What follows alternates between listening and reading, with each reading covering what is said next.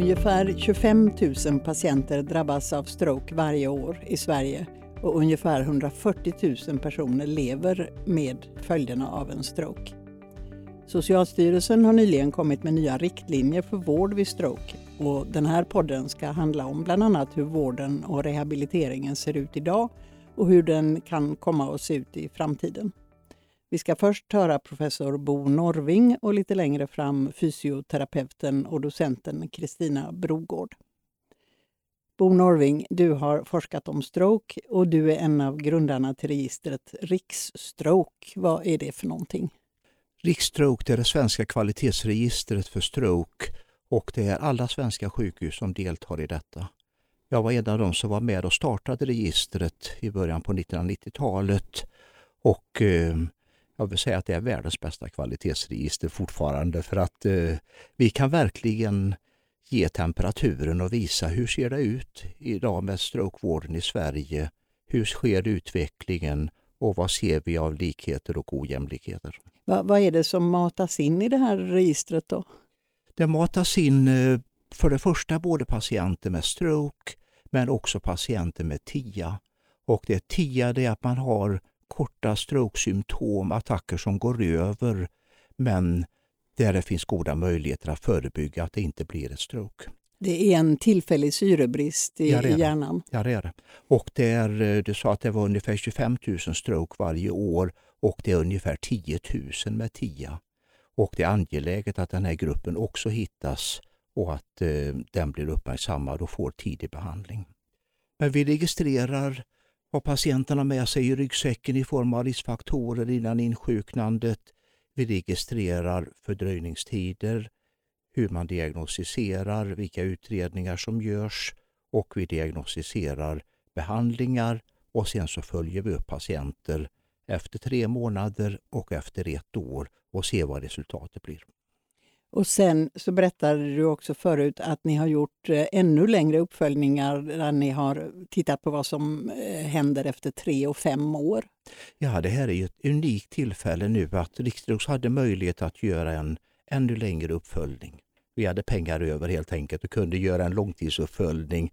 Och eh, där vi fann var ju att även efter upp till fem år att det var väldigt mycket av kvarstående funktionshinder. Även om vi har bättre möjligheter att behandla så är stroke en allvarlig sjukdom som behöver långtidsuppföljning och som behöver rehabilitering. Och det har blivit bättre. Det har gjorts mycket inom den akuta strokevården, alltså det som händer precis när någon har fått en stroke. Men på längre sikt är det inte så mycket som har förändrat sig utan det sa du också förut, eh, för de anhöriga är bördan fortfarande ofta mycket tung. Detta är något som vi ser mycket tydligt och överraskande att eh, om vi ser på utvecklingen av akuta strokevården så har ju detta varit en revolution under 20-25 års tid med dramatiskt bättre behandlingsmöjligheter på ett sätt som få andra områden inom medicinen har haft. Men ser vi på hur situationen ser ut för anhöriga så är det att tiderna står stilla. Det är samma hårda belastning som det var för 20-30 år sedan. Det är alldeles för lite av stödjande samhällsinsatser som de får och de har en lagstadgad rätt att få detta från kommunerna också som inte utnyttjas i stor utsträckning. Vi ska gå tillbaka till det men vi ska eh, säga helt snabbt kanske vad det är som gör att den här akuta eh, strokevården har blivit så mycket bättre. Va, vad är beror det på? Det är eh, dels att patienterna ska ligga på rätt avdelning från början och få vård på en strokeenhet. Och det är en av de grundläggande byggstenarna i strokevården.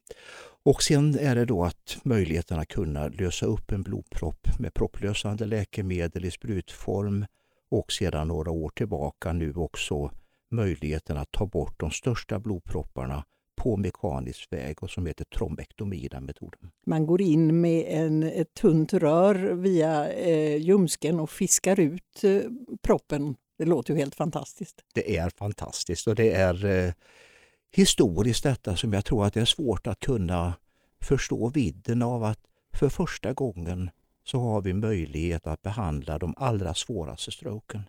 De som tidigare fick ha livslånga funktionshinder kunde förlora talförmågan totalt under årtionden, förlamade, inte kunna förflytta sig själva och nu kan vi behandla detta och många patienter kan vi bota och återställa. Men den här, de här fantastiska nya möjligheterna de är då inte riktigt eh, tillgängliga för alla för att det är universitetssjukhusen, det är Stockholm, Göteborg och Lund där man kan eh, Eh, göra den här eh, metoden som vi talade om med att man fiskar ut proppen. Eh, och folk som bor för långt bort eller inte bor i de här regionerna, de har inte riktigt lika bra vård. Det är en alldeles klar ojämlikhet när det gäller tromvektomi. Det är som du sa att den är eh, bra uppbyggd här i Stockholm, Göteborg, Lund eller södra sjukvårdsregionen som Lund servar. Men eh, sen är det ju både geografiska avstånden men det gäller också att det ska vara personer som kan göra åtgärden. Och det är, har vi inte på alla sjukhusen. Utan det här är idag en av de mest ojämlika saker vi har inom strokevården är detta att få tillgång till trombektomi. Det är under uppbyggnad och det ändrar sig ganska snabbt och det behöver ändra sig snabbt också. Men det är inte bara då tillgången till trombektomi, alltså propputfiskning, som eh, skiljer sig utan också vad jag förstår eh, rehabiliteringsmöjligheterna. Att, att det kan ja, vara ett lotteri om man bor i en kommun som bryr sig om det här och, eller en annan kommun. Det är det verkligen och det här är en av de eh, mest slående dragen vi ser i riksstroke år efter år. Stora skillnader, stora ojämlikheter i strokevården och det gäller både den akuta behandlingen, det gäller sedan rehabilitering och uppföljning. Rehabilitering väldigt mycket. Vi brukar säga att det ser ut som ett lapptäcke, hur det ser ut i olika delar, hur vilka rehabiliteringsformer som en patient har möjlighet att få. Man, man eh, överger en del människor när de har kommit hem. De, ja, de ja. får inte den rehabilitering de skulle kunna ha nytta av. Ja, det kan vi säga. Så är det ju att eh, den långsiktiga rehabiliteringen och uppföljningen är ett av de verkligt bristområden vi har idag inom strokevården. Vi har varit, haft ett väldigt stort fokus på det akuta skedet som är en kort tid i en patients liv. Den är väldigt viktig och man kan ändra prognosen drastiskt med åtgärder där. Men sen är det så att flertalet har funktionshinder. De behöver uppföljning under lång tid. De behöver träningsinsatser och få rehabilitering och uppehålla funktion också. Men nu kommer då Socialstyrelsen, eller har kommit med nya riktlinjer för vård vid stroke. Tror du att eh, det kommer att bli bättre, den här ojämlikheten? Jag tror det. Jag tror det för att det är väldigt skarpt formulerade riktlinjer nu att eh, hög prioritet till åtgärder som ger bra tillbaka i utbyte och där vi har ojämlikheter. Och en av de saker nu som särskilt trycks på är att ha en strukturerad uppföljning tre till sex månader efter stroke och där gå igenom hur har det fungerat, hur ser det ut hemma, vad behövs det mer för insatser för mer rehabilitering? Det här är en av de mest krävande rekommendationerna i riktlinjerna att sjukvården behöver bygga upp sådana system.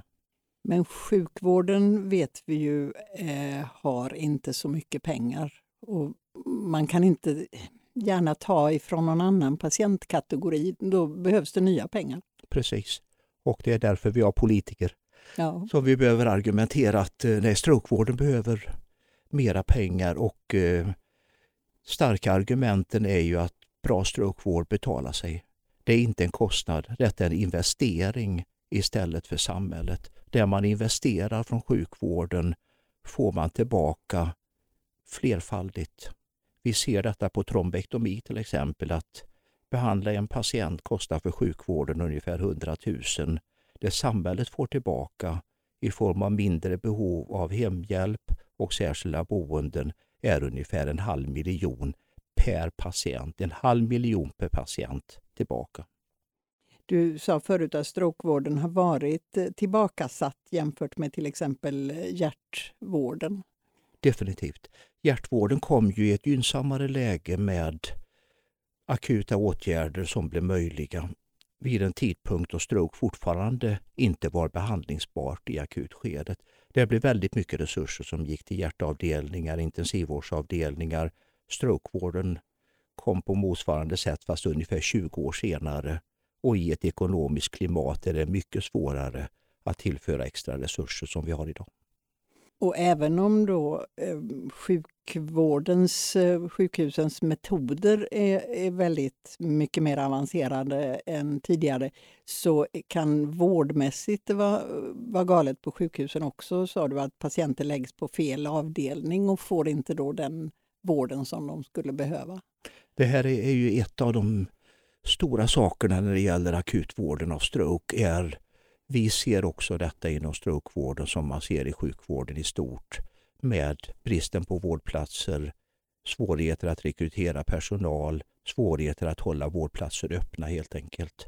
Och i genomsnitt idag är det så att var femte strokepatient hamnar på fel avdelning i akutskedet. Hamnar på en avdelning där man inte har kompetensen att sköta denna sjukdomen. Och till och med på en del av de största sjukhusen så är det var tredje patient som ligger fel från början. Det är en av de saker som riktlinjerna också lyfter fram och trycker väldigt hårt på. Strokeenhet som första vårdnivå vid ett akutstroke för alla. Strokeenheterna, de är bra? De är bra. Strokeenheter är liksom att hamna rätt där det finns kompetent personal som kan veta vad man ska göra, som kan diagnostisera, behandla, observera, följa upp, informera patienter, informera anhöriga och så. Så att det är liksom grundbulten i strokevården är att ha strokeenheter. Utbyggda och utvecklade strokeenheter över hela landet. Det Precis. är vad vi hoppas på. Eh, vi har hört Bo Norving som är professor vid Lunds universitet och överläkare vid Skånes universitetssjukhus i Lund. Nu så ska vi träffa Kristina Brogård som är docent i rehabiliteringsmedicin vid universitetet och fysioterapeut vid eh, universitetssjukhuset i Lund. Eh, och Kristina, du har forskat om bland annat träning för strokepatienter som har ont i skuldran eller nedsatt känsel i armen och handen. Och du har också varit med, liksom Bo Norving, i arbetet med Socialstyrelsens nya riktlinjer för strokevård. Eh, vad ser du som det viktigaste på ett övergripande plan i de här nya riktlinjerna? Ja, jag tycker framför allt att eh, rehabiliteringen i tidig och sen fas efter stroke har fått eh, ett större utrymme i de eh, nya riktlinjerna, vilket jag är oerhört glad för. Därför att vi vet att rehabiliteringen behöver stärkas för de här personerna som har insjuknat i stroke och eh, också behöver pågå under en längre tid. Inte bara i akutskedet utan många behöver stöd under en längre eh, fas också. Ja, som Bo Norving eh, var inne på tidigare så är vi ju i Sverige bra på de medicinska insatserna i den akuta fasen men sen är det mera brister? Mm. Ja, det stämmer. Vi är duktiga på just de medicinska insatserna och det är viktigt att eh, när man insjuknar i stroke, att man kommer till en strokeenhet där personalen har särskild kunskap och kompetens om stroke. Och eh, vi vet idag också att eh, just att tidig understödd rehabilitering och fortsatt rehabilitering i hemmiljö eh, är viktigt och eh, just att den, ett teamet kring patienten som har särskild kompetens kan stötta patienten eh, framöver också. Framförallt för de som kan skrivas ut till hemmet i tidig fas, som inte har så stora funktionsnedsättningar.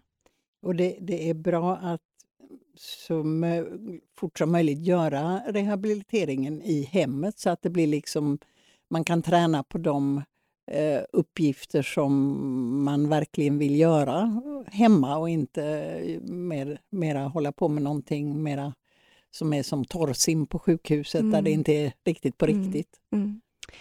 Det är riktigt. Man behöver eh, eh, inkludera patient och närstående i rehabiliteringen tidigt.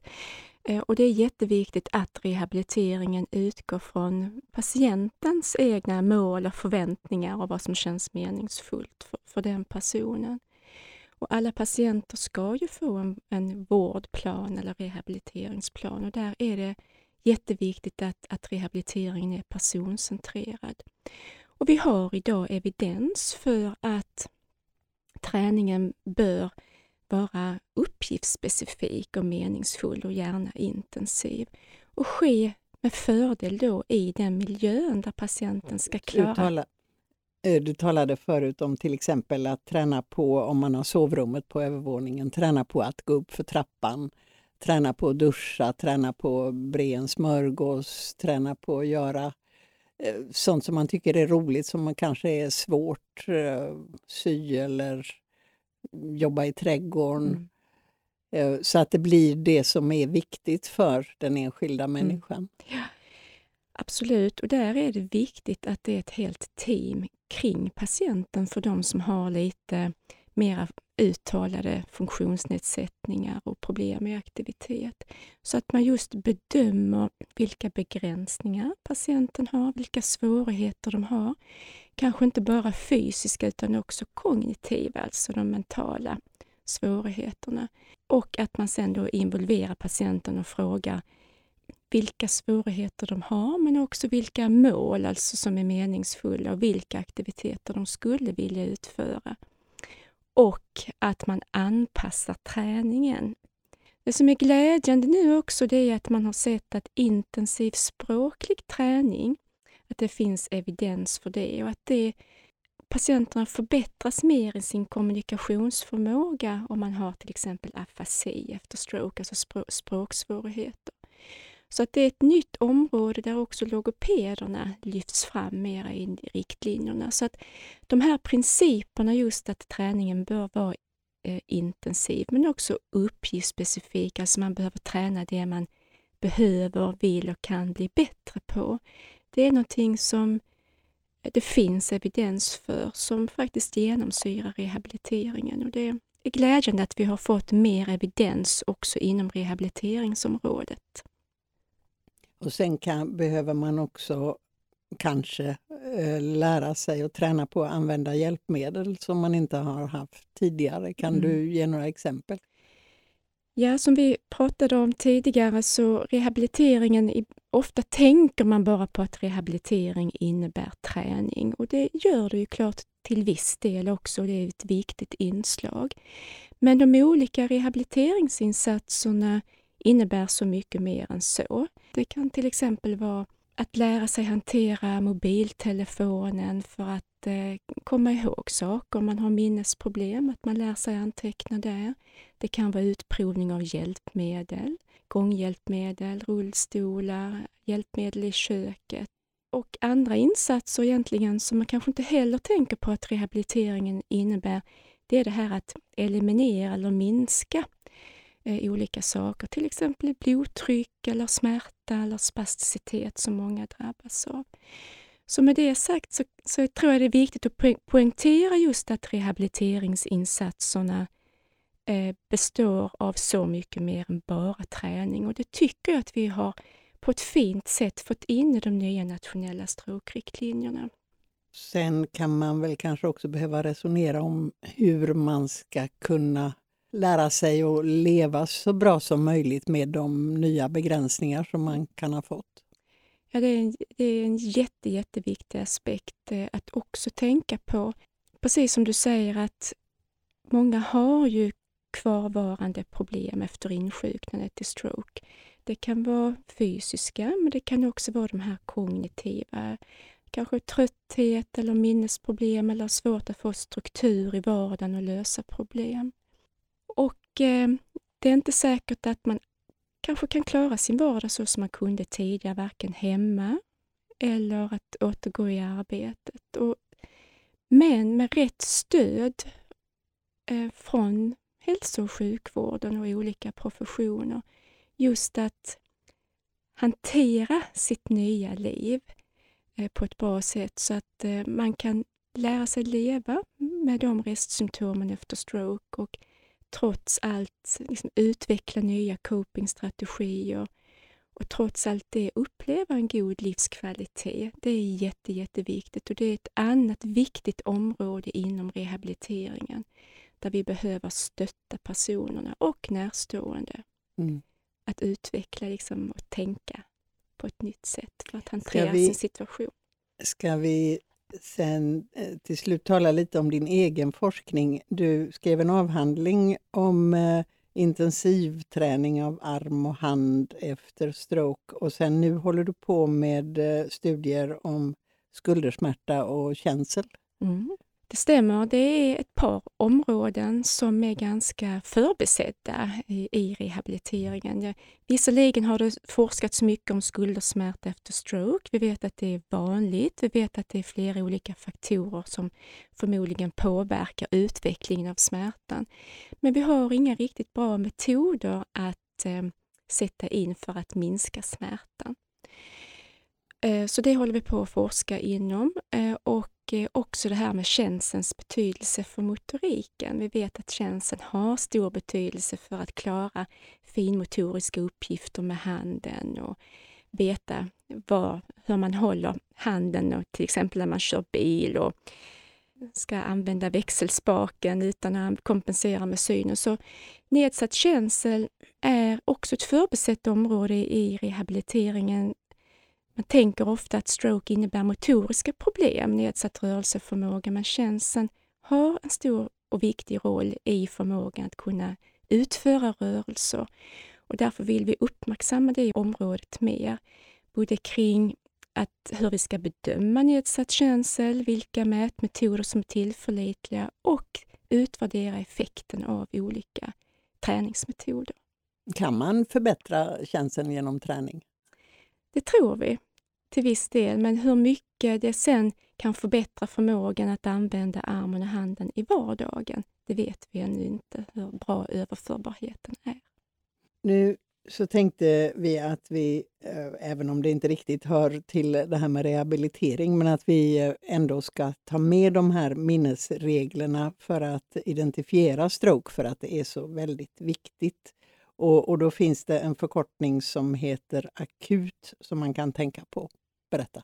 Ja, det är jätteviktigt att eh, uppmärksamma det och att känna till att om man har problem, till exempel upplever symptom i ansiktet, man ser att mungipan hänger eller att man har svårt att hålla kvar armarna, att en arm faller ner eller att man har problem att uttala, alltså när man pratar, med problem med uttal, så är det viktigt att tänka på att det kan vara en stroke och att komma in till sjukhuset väldigt, väldigt snabbt. Alltså tiden har också betydelse och det är det de fyra bokstäverna står för. Eh, och det är viktigt för allmänheten att känna till så att man så snabbt som möjligt, om man misstänker att man har fått en liten propp eller en blödning, att man åker in för snabbt omhändertagande. För att vi har eh, god medicinsk behandling och eh, det är viktigt för att rädda hjärnan och att få så lite problem som möjligt efter sin stroke att komma in för snabbt behandling. Så ansikte, kontroll av kroppsdelarna, uttal och tid akut. Och detta gäller att man ska söka vård. Detta gäller även om det har gått över, för då, om man har haft de här symptomen men sen blir bra igen, då kan det vara något som kallas en TIA-attack och eh, det är en sorts eh, kanske förstadium till stroke som man mm. ska se till att behandla. Precis, det är också något, ett nytt område kan man säga som har lyfts i de nya nationella riktlinjerna. Att även om man har fått en TIA som kanske har då gett övergående symptom så innebär det, kan det innebära då att man har en högre risk att insjukna i stroke längre fram. Och det nya är nu att vi vill uppmuntra till att man åker in om man upptäcker de här, att man har symptom och eh, åker in och får behandling eh, av på där all personal då i teamet har särskild kompetens om stroke. Och en annan sak som jag också skulle vilja poängtera som vi har lyft mycket i riktlinjerna, det är det här med uppföljning eh, budde om man har fått TIA eller man har insjuknat i stroke. Att man får ett nytt återbesök till neurologen till exempel eller till rehabkliniken där man går igenom just riskfaktorer och eh, ens situation, man får stöd i att göra bedömningar så att säga om, om eh, problemen har förvärrats eller eh, man behöver stöd på olika sätt. Eh, och ny rehabiliterings period till exempel. För att vi just ska kunna stötta individerna i det långa perspektivet. Nya saker kan ha uppkommit ett par månader efter insjuknandet. För en del är det kanske dags för arbetsåtergång och då behöver man särskilt stöd kring arbetsrehabilitering och sådana saker. Så att oavsett om man har insjuknat i TIA eller i stroke så vill vi poängtera just det här betydelsen av en uppföljning för att få en fungerande vårdkedja och för att kunna stötta individerna i det längre perspektivet också. Ja, så strokevården ska förhoppningsvis bli ännu bättre än, eh, bättre än vad den är efter de här Socialstyrelsens nya riktlinjer. Eh, vi har hört professor Bo Norving och docent Kristina Brogård och jag heter Ingela Björk. Du har lyssnat till en poddserie om forskning som produceras av redaktionen vid Vetenskap och hälsa. Mer information finns på vetenskaphalsa.se. Du kan också följa oss på sociala medier.